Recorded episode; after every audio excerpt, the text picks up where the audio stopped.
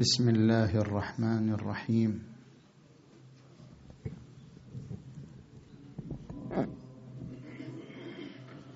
بسم الله الرحمن الرحيم والصلاة والسلام على أشرف الأنبياء والمرسلين محمد وآله الطيبين الطاهرين.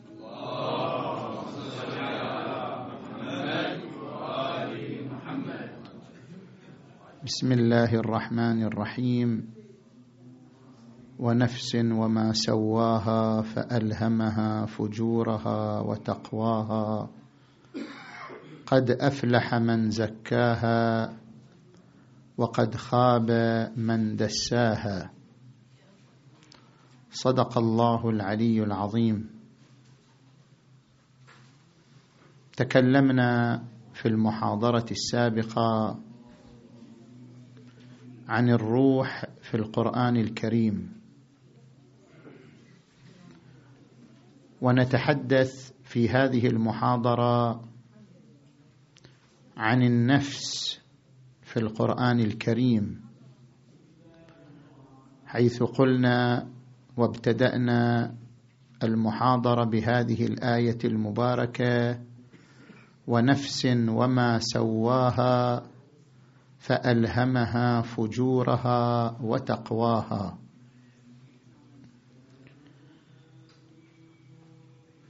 وهذا الموضوع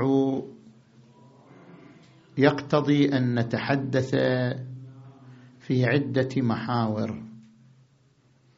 المحور الأول في تقسيم عوالم الوجود.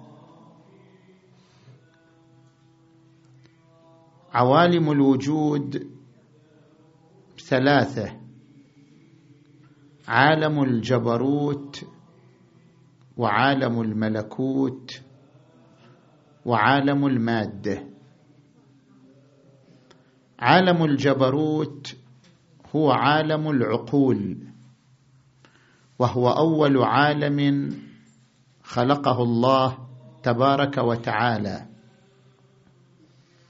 وليس المقصود بالعقول العقول الجزئية يعني عقلي وعقلك وعقل فلان. إنما المقصود بالعقول العقول الكلية.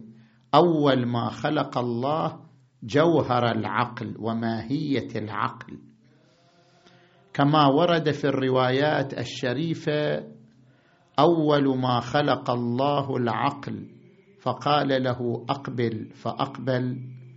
وقال له أدبر فأدبر وقال بك أثيب وبك أعاقب. فجوهر العقل وماهية العقل هو المخلوق الأول وبه تحقق عالم الجبروت. العالم الثاني عالم الملكوت. القرآن الكريم إذا لاحظناه يقسم العالم إلى ملك وملكوت. فيقول تبارك وتعالى تبارك الذي بيده الملك وهو على كل شيء قدير. ويقول في آية أخرى فسبحان الذي بيده ملكوت كل شيء. وإليه ترجعون.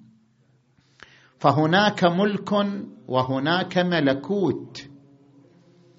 الملك هو عالم المادة الذي نحن نعيش فيه.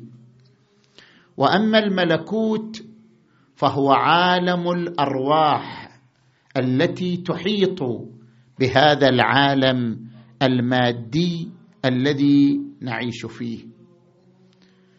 وقد ذكرنا في اللي في المحاضرة السابقة بعض الآيات القرآنية التي تشير إلى أن الإنسان وجد في عالم قبل هذا العالم أي عالم المادة. وذلك العالم الذي وجد فيه هو عالم الملكوت. أو ما تعبر عنه بعض الروايات عالم الذر. وإذ أخذ ربك من بني آدم من ظهورهم ذريتهم ثم أشهدهم على أنفسهم. ألست بربكم؟ قالوا بلى. هناك عهد عرض على الأرواح وهو عهد الربوبية والإقرار بالربوبية وهذا العهد قد عرض في عالم الميثاق وهو عالم الذر وهو عالم الملكوت الذي كان حافلا بالأرواح قبل ارتباطها بهذا العالم المادي الذي نحن نعيش فيه. والآية الأخرى قوله تعالى وقد شرحناها في المحاضرة السابقة ولقد جئتمونا فرادا كما خلقناكم أول مرة. فإن ظاهر الآية أن الإنسان خلق مرتين فهذه الآية تشير إلى الخلق أول مرة لا إلى الخلق المرة الثانية. لقد جئتمونا فرادا كما خلقناكم أول مرة وتركتم ما خولناكم وراء ظهوركم. العالم الثالث هو عالم المادة هو عالم الملك هو عالم المحو والإثبات هو عالم التغير. هذا العالم الذي نعيش فيه عالم متغير غير ثابت عالم محو وإثبات. ولذلك في الآية المباركة يمحو الله ما يشاء ويثبت يعني في هذا العالم. وعنده أم الكتاب يعني في العالم السابق. على هذا العالم. فهناك عالمان عالم ثابت يعبر عنه بأم الكتاب قبل هذا العالم وعالم متغير بين محو وإثبات وهو هذا العالم الذي نحن فيه. يمحو الله ما يشاء ويثبت وعنده أم الكتاب.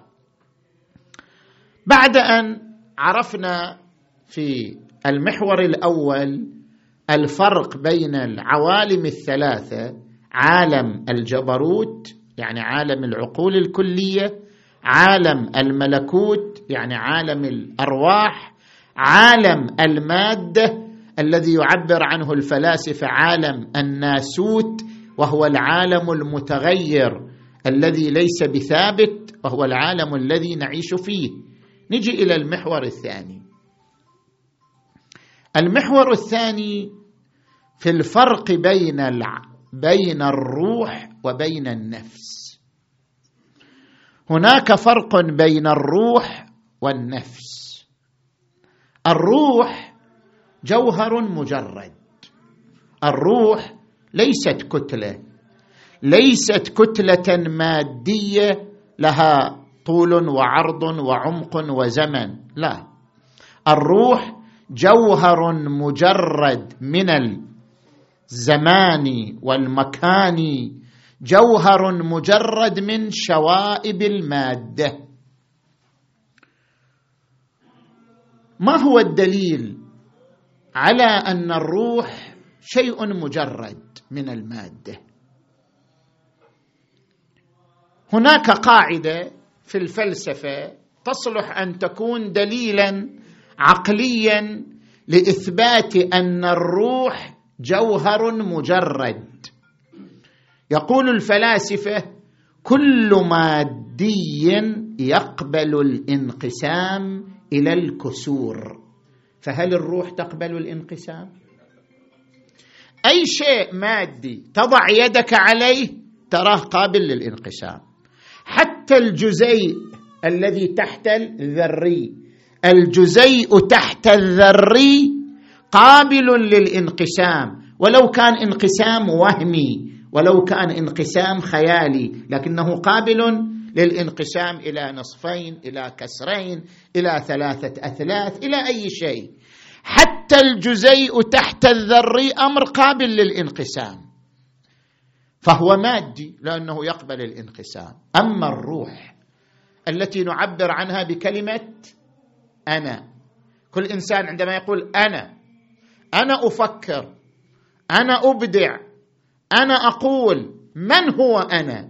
هل هو جسمي الذي يتغير بين لحظة وأخرى بين طور وطور؟ ما لكم لا ترجون لله وقارا وقد خلقكم أطوارا. الجسم يتغير من طور إلى طور. من جنين إلى طفل إلى شباب إلى كهل إلى شيخ. ليس هذا الجسم هو أنا. أنا شيء آخر. من أنا؟ أنا التي أعبر عنها بكلمة أنا. أنا أفكر. أنا هي الروح. هذه الروح التي أعبر عنها بكلمة أنا. فلأطرح السؤال هل أنا قابل للتقسيم إلى نصفين؟ هل أنا قابل للتقسيم إلى كسور وأثلاث؟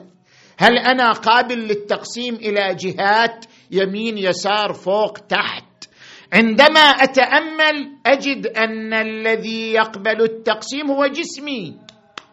أما أنا التي تفكر أنا التي تبدع ليست شيئا قابلا للانقسام. بما أن الروح التي نعبر عنها بكلمة أنا لا تقبل الانقسام اذا هي ليست شيئا ماديا. المادي يقبل الانقسام. ما دامت الروح المعبر عنها بأنا لا تقبل الانقسام اذا هي ليست شيئا ماديا. الروح جوهر مجرد. يفيض الحياة على هذا الجسم. الجسم من أين يأخذ الحياة؟ يأخذه من الروح. الروح تفيض الحياة على هذا الجسم لكنها مجردة عن هذا الجسم. فإذا سويته ونفخت فيه من روحي. الروح هي مادة النفخ. هذا الجسم هيكل صورة تحتاج إلى أن ينفخ فيها الحياة المادة التي تكون مبدا لنفخ الحياة في الجسم هذه المادة نعبر عنها بالروح. فإذا سويته ونفخت فيه من روحي فقعوا له ساجدين. هذه الروح فما هي النفس؟ ما هو الفرق بين الروح وبين النفس؟ القران يتحدث عن الروح ويتحدث عن النفس. يسألونك عن الروح قل الروح من أمر ربي وما أوتيتم من العلم إلا قليلا. ويتحدث عن النفس فيقول ونفس وما سواها فألهمها فجورها وتقواها. فهناك نفس وهناك روح. عرفنا أن الروح جوهر مجرد لكن النفس كما يقول تقول الحكمة الإلهية المتعالية النفس جسمانية الحدوث روحانية البقاء. ما معنى هذا الكلام؟ الحركة تقسم إلى أقسام. هناك حركة مكانية أنت تنتقل من مكان إلى مكان. هناك حركة زمانية عمرك ينتقل من مرحلة إلى مرحلة من شباب إلى كهل. هذه حركة زمانية. هناك حركة كيفية هذه التفاحة تتنقل من لون إلى لون من لون أخضر إلى لون أصفر إلى لون أصفر فاقع. هذه أيضا حركة حركة كيفية. وهناك حركة لا مكانية لا زمانية لا كيفية وإنما هي حركة جوهرية. الوجود يتحرك في حد ذاته. ما يتحرك في مكان؟ ولا يتحرك في زمان هو يتحرك في ذاته. الوجود يتحرك في صميم ذاته.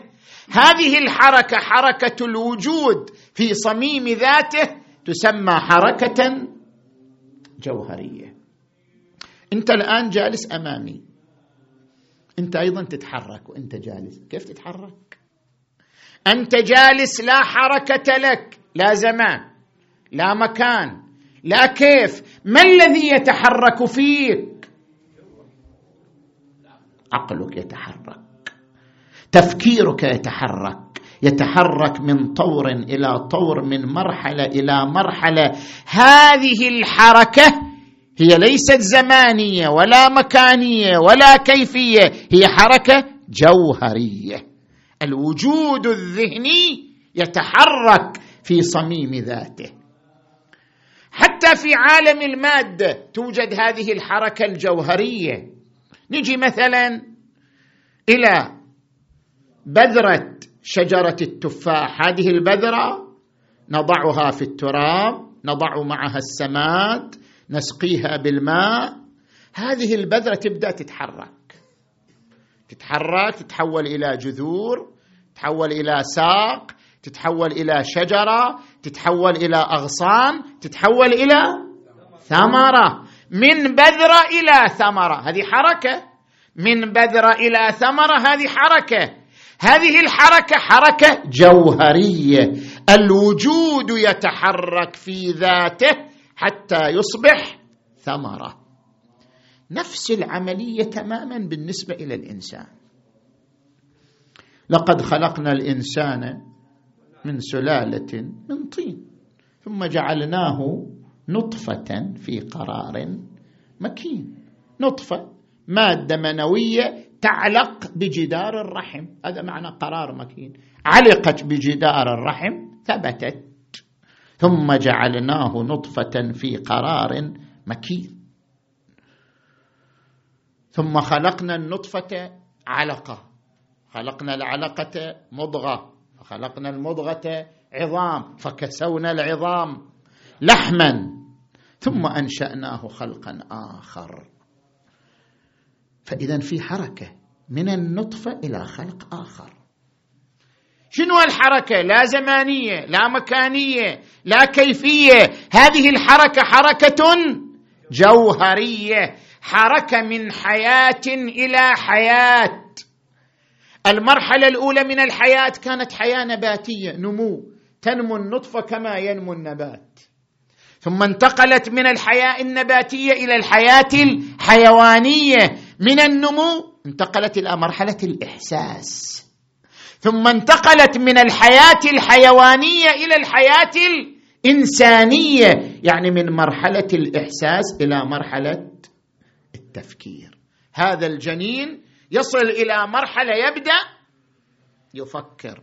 كان فقط ينمو ثم صار عنده إحساس ثم صار عنده تفكير. هذا الانتقال من مرحلة إلى مرحلة حركة جوهرية في صميم هذا الوجود.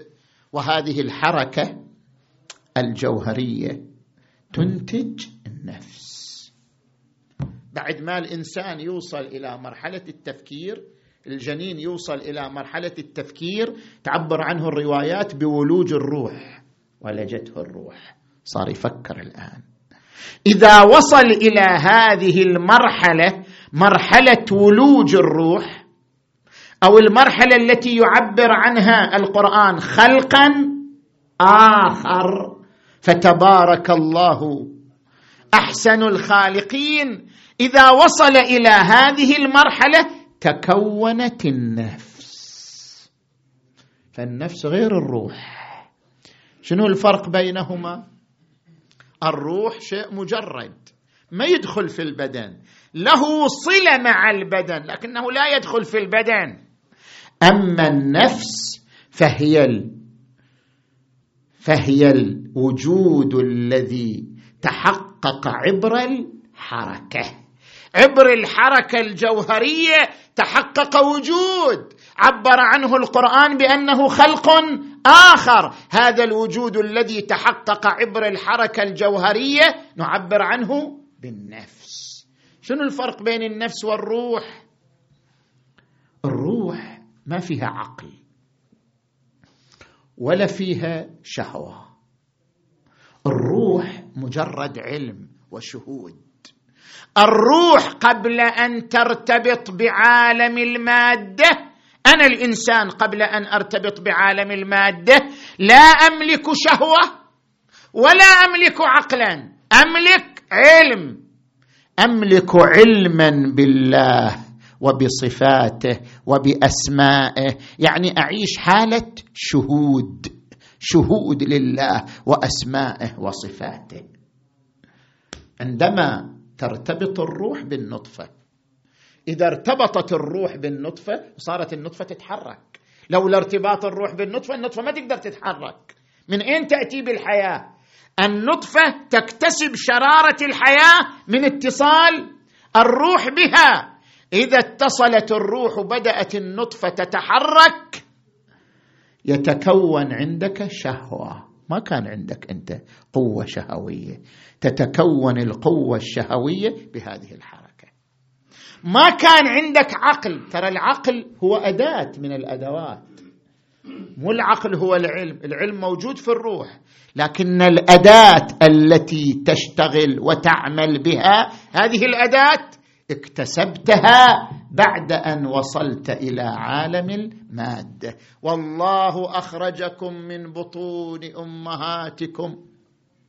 لا تعلمون شيئا. وجعل لكم السمع والأبصار والأفئدة قليلا ما تشكرون. الفؤاد يعني العقل.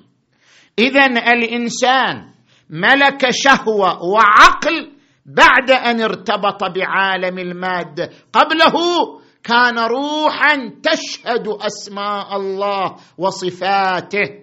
بعد أن ارتبط بعالم المادة ملك أداتين. أداة تسمى شهوة أداة تسمى عقل. ورد عن الإمام أمير المؤمنين علي عليه السلام إن الله ركب. إن الله خلق الملائكة عقلا بلا شهوة. وخلق البهائم شهوة بلا عقل. وركب في الإنسان عقلا وشهوة. فمن غلب عقله شهوته فهو خير من الملائكة. ومن غلبت شهوته عقله فهو أدنى من البهائم. لما ملك الإنسان شهوة وعقل قالوا هذه نفس. هذا الفرق بين النفس والروح. النفس وجود تفيضه الروح. والنفس تملك أداتين عقلا وشهوة. والروح لا تحتاج إلى هاتين الأداتين لأنها مجردة. اللي يحتاج للعقل هو المادي. أما المجرد ما يحتاج إلى أداة يفكر بها لأنه يشهد أسماء الله وصفاته بلا واسطة. عندما نقول الروح ما كان عندها عقل هذا ليس نقصا في الروح. لأن الروح لا تحتاج إلى العقل. العقل أداة للتفكير. ما كانت الروح تحتاج إلى العقل لأنها تشهد أسماء الله وصفاته بلا واسطة. لما نزلت إلى المادة ارتبطت بالمادة احتاجت إلى أداة تسمى العقل واحتاجت إلى أداة أخرى تسمى الشهوة. فولدت النفس. هذا الفرق بين الروح والنفس. نجي إلى المحور الثالث. القرآن الكريم قسم النفس إلى أربعة أقسام. النفس الأمارة. وما أبرئ نفسي. إن النفس لأمارة بالسوء. لاحظوا تعبير القرآن الكريم دقيق. القرآن ما قال إن النفس لراغبة في السوء. ما قال إن النفس تحب السوء. ما قال إن النفس تدعو إلى السوء. قال أمارة. يعني النفس تلح على الإنسان أن يرتكب السوء. تلح. أمارة. أمارة يعني شديدة الأمر. هذه القوة الشهوية هي التي يعبر عنها القرآن بالنفس الأمارة. القوة الشهوية ليست قليلة خطيرة جدا. القوة الشهوية أمارة يعني تلح تلح تلح على الإنسان أن يشبعها بأي وسيلة ممكنة إلى أن تطغى عليه. ولذلك يقول القرآن الكريم وأما أما من خاف مقام ربه ونهى النفس عن الهوى فإن الجنة هي المأوى. وأما من طغى. يعني نفسه طغت عليه. النفس الأمارة طغت عليه استولت عليه. وأما من طغى وآثر الحياة الدنيا فإن الجحيم هي المأوى. أفرأيت من اتخذ إلهه هواه وأضله الله على علم؟ اذا النفس الأمارة القسم الأول. القسم الثاني النفس اللوامة. لا أقسم بيوم القيامة ولا أقسم بالنفس اللوامة. نفس اللوامة هي الضمير الذي يؤنب الإنسان ويلومه.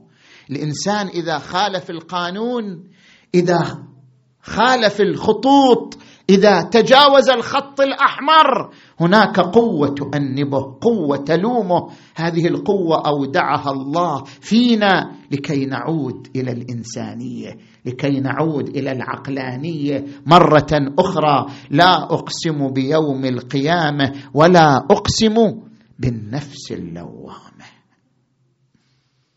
يعني أنت أمام محكمتين محكمة داخلية محكمة خارجية. هناك محكمتان تحاكمك على أفعالك وتصرفاتك. المحكمة الداخلية هي النفس اللوامة والمحكمة الخارجية هي يوم القيامة. فجمع بين المحكمتين في آيتين لا أقسم بيوم القيامة لأنه يوم المحاكمة الخارجية. ولا أقسم بالنفس لوامه لأنها تعبر عن المحاكمة الداخلية. القسم الثالث النفس العاقلة التي تفكر. يقول القرآن الكريم فبشر عبادي الذين يستمعون القول فيتبعون أحسنه. أولئك الذين هداهم الله وأولئك هم أولو الألباب. الذين يستخدمون ألبابهم يعني عقولهم. القرآن الكريم يقول الذين يذكرون الله قياما وقعودا وعلى جنوبهم ويتفكرون في خلق السماوات والأرض. ربنا ما خلقت هذا باطلا. سبحانك فقنا عذاب النار. القسم الأخير من النفس النفس المطمئنة. يا أيتها النفس المطمئنة ارجعي إلى ربك راضية مرضية. ورد عن الإمام الصادق عليه السلام النفس المطمئنة جدي الحسين بن علي.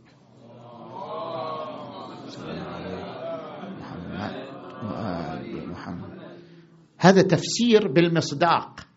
يعني النفس المطمئنة هي مبدأ عام لكن أروع أمثلته ومصاديقه الحسين بن علي. النفس المطمئنة. كيف يصل الإنسان إلى أن يكون النفس المطمئنة؟ يمر بمراتب. المرتبه الأولى مرتبة التوكل على الله. ومن يتوكل على الله؟ فهو حسبه. قل لن يصيبنا إلا ما كتب الله لنا هو مولانا وعلى الله. فليتوكل المؤمنون. أفوض الأمر إلى الله. هذه مرتبة التوكل. بعدين تجينا نترقى إلى مرتبة التسليم. بمعنى أنني أقول لربي مهما تصرفت بي ومهما ومهما عرضت علي من نوائب ومصائب فأنا مسلم لك. لن أتراجع عنك لن أكفر بك لن أعدم الثقة بك حتى لو جعلتني في مصائب ونوائب لا تنتهي من أول عمري إلى آخر عمري. أنا مسلم لك. لن أحيد عنك أبدا. هذه مرتبة أعظم من مرتبة التوكل مرتبة التسليم. ثم ينتقل الإنسان إلى مرتبة ثالثة وهي مرتبة الرضا. يرضى. أكو ناس يسلمون بأمر الله لكن يتاذى من المصائب يقول ليش أنا يعني؟ صحيح أنا مسلم لله أما ليش أنا أعيش مصائب؟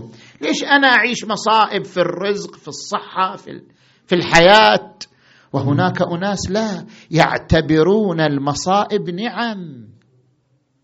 يعتبر المصيبه نعمة يرضى بها يلتذ بها. هذا وصل إلى مرتبة الرضا. الإمام الحسين عليه السلام يقول يوم عاشوراء اللهم رضا.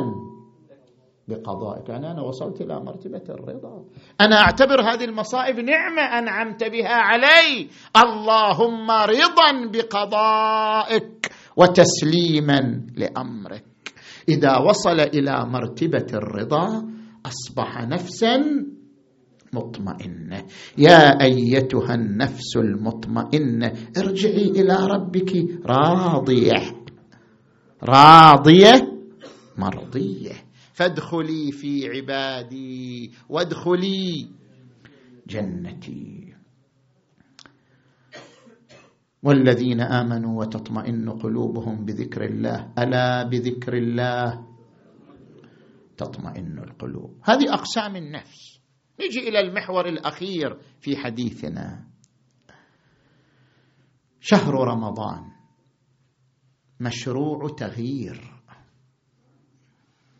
كيف نستغل شهر رمضان في التغيير؟ هناك تغيير سلبي وهو التغيير الترفي وهناك تغيير إيجابي وهو التغيير الروحي. التغيير الترفي الذي يستغل فرصة شهر رمضان في إشباع النفس في إعطاء النفس لذاتها. أنا في شهر رمضان أختار اشهى الاطعمه أختار اشهى الاكلات أختار اشهى الملذات أغتنم الشهر في إشباع ملذاتي من الأطعمة. فعندي تغيير لكن تغيير ترفي تغيير سلبي. أنا في شهر رمضان أستغل خمس ساعات في مشاهدة المباريات الرياضية العالمية. هذه الأيام أيام المباريات. لكي أستغلها. أصرف خمس ساعات أمام شاشة التلفزيون لمشاهدة المباريات الرياضية. اذا أنا استغللت شهر رمضان ولكن في تغيير ترفي أشبعت نهم ذاتي في مشاهدة المباريات الرياضية. أو استغللت شهر رمضان في مشاهدة الأفلام والمسلسلات. هذا تغيير ترفي سلبي.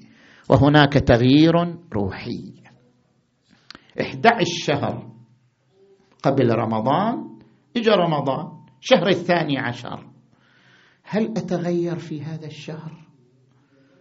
ما كنت أقرأ قرآن. هل أقرأ قرآن في شهر رمضان؟ ما كنت أقرأ دعاء. هل أقرأ دعاء في شهر رمضان؟ كنت أقرأ قرآن قبل شهر رمضان. هل أصبحت في شهر رمضان أتدبر في القرآن؟ لابد أن يكون شهر رمضان شهر تغيير إيجابي تغيير روحي من مرحلة إلى مرحلة. لأحاسب نفسي. شهر رمضان مشروع تغيير. فما هو الطريق إلى التغيير؟ تغيير النفس. نرجع إلى النفس مرة أخرى. ونفس وما سواها فألهمها فجورها وتقواها قد أفلح. من زكاها من غيرها من استغل شهر رمضان في تزكيتها قد أفلح من زكاها وقد خاب. من مر عليه شهر رمضان وهو لم يتغير. من مر عليه شهر رمضان وهو ما زال في المعاصي والرذائل وقد خاب من دساها الدس هو الغش أنت تغش نفسك إذا أبقيتها في المعاصي. أنت تغش نفسك إذا أبقيتها في الرذائل. هذا غش هذا دس. وقد خاب من دساها. ما هو الطريق إلى التغيير؟ تغيير النفس. إن الله لا يغير ما بقوم. حتى يغيروا ما بأنفسهم. منطلق التغيير الخارجي التغيير الداخلي تغيير النفس.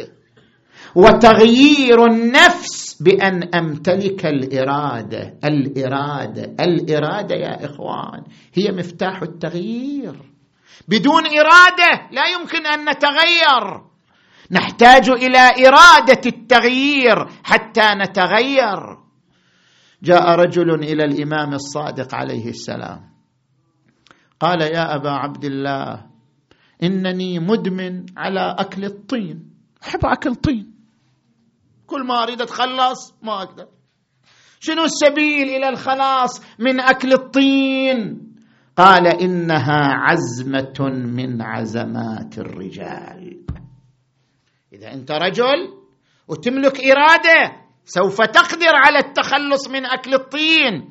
كثير ناس يقول لك والله أنا ما أقدر أترك التدخين. صح لو لا؟ اترك التدخين هذا مضر بصحتي ما أقدر. ما هذا التدخين صديق عزيز. عاشرته خمسين سنة كيف أتركه الآن؟ وهو صديق عزيز. هنا يحتاج إلى إرادة إرادة التغيير. كثير منا يقول أنا ما أقدر أترك المعصية ما أقدر أترك استماع الأغنية المطربة ما أقدر أترك العلاقة الغير المشروعة. أنا خلاص مريت على ذلك سنين. أنت تقدر على التغيير. إذا ملكت إرادة التغيير. الإرادة هي مفتاح التغيير. ليس من يطوي طريقا بطلا.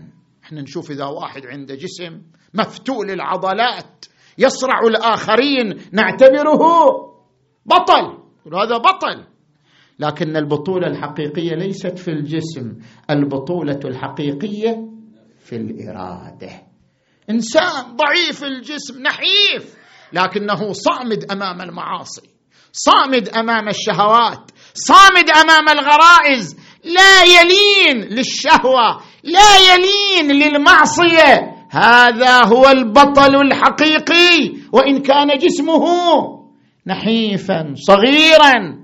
وذاك الذي يمتلك الجسم العملاق المفتول العضلات لكنه يتراجع أمام شهوة صغيرة لكنه ينزل أمام غريزة صغيرة.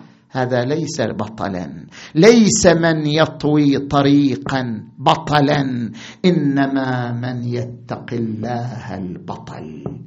فاتق الله فتقوى الله ما جاورت قلب امرئ إلا وصل. طريق التغيير قوة الإرادة. وكيف نقوي إرادتنا؟ نحن نريد أن نتغير. طريق التغيير هو الإرادة. كل يتساءل منا كيف نمتلك الإرادة؟ ما عندنا إرادة أمام المعاصي. نحن نتنازل أمام المعاصي. ما عندنا إرادة. كيف نمتلك الإرادة؟ الصوم فرصة لتربية الإرادة. كما تمتلك إرادة عشرين ساعة 19 ساعة تمتلك إرادة أمام الجوع أمام العطش أمام المفطرات كما تمتلك إرادة أمام جوع وعطش لمدة عشرين ساعة. اذا أنت تمتلك إرادة أمام شهوة النفس للمعصية أمام شهوة النفس للرذيلة. اذا إذا قلت لا أنا أقدر أجوع وأعطش لكن ما أقدر أقف أمام شهوتي. أنت تغش نفسك. تبيح لها من جهة تحرمها من جهة وقد خاب من دساها كيف نقوي الإرادة؟ ما هي مراحل تقوية الإرادة؟ نتعرض لها في المحاضرة القادمة إن شاء الله تبارك وتعالى. اللهم اجعلنا في هذا الشهر الشريف من عتقائك من جهنم وطلقائك من النار وسعداء خلقك بمغفرتك ورضوانك يا أرحم الراحمين. اللهم جنبنا معاصيك.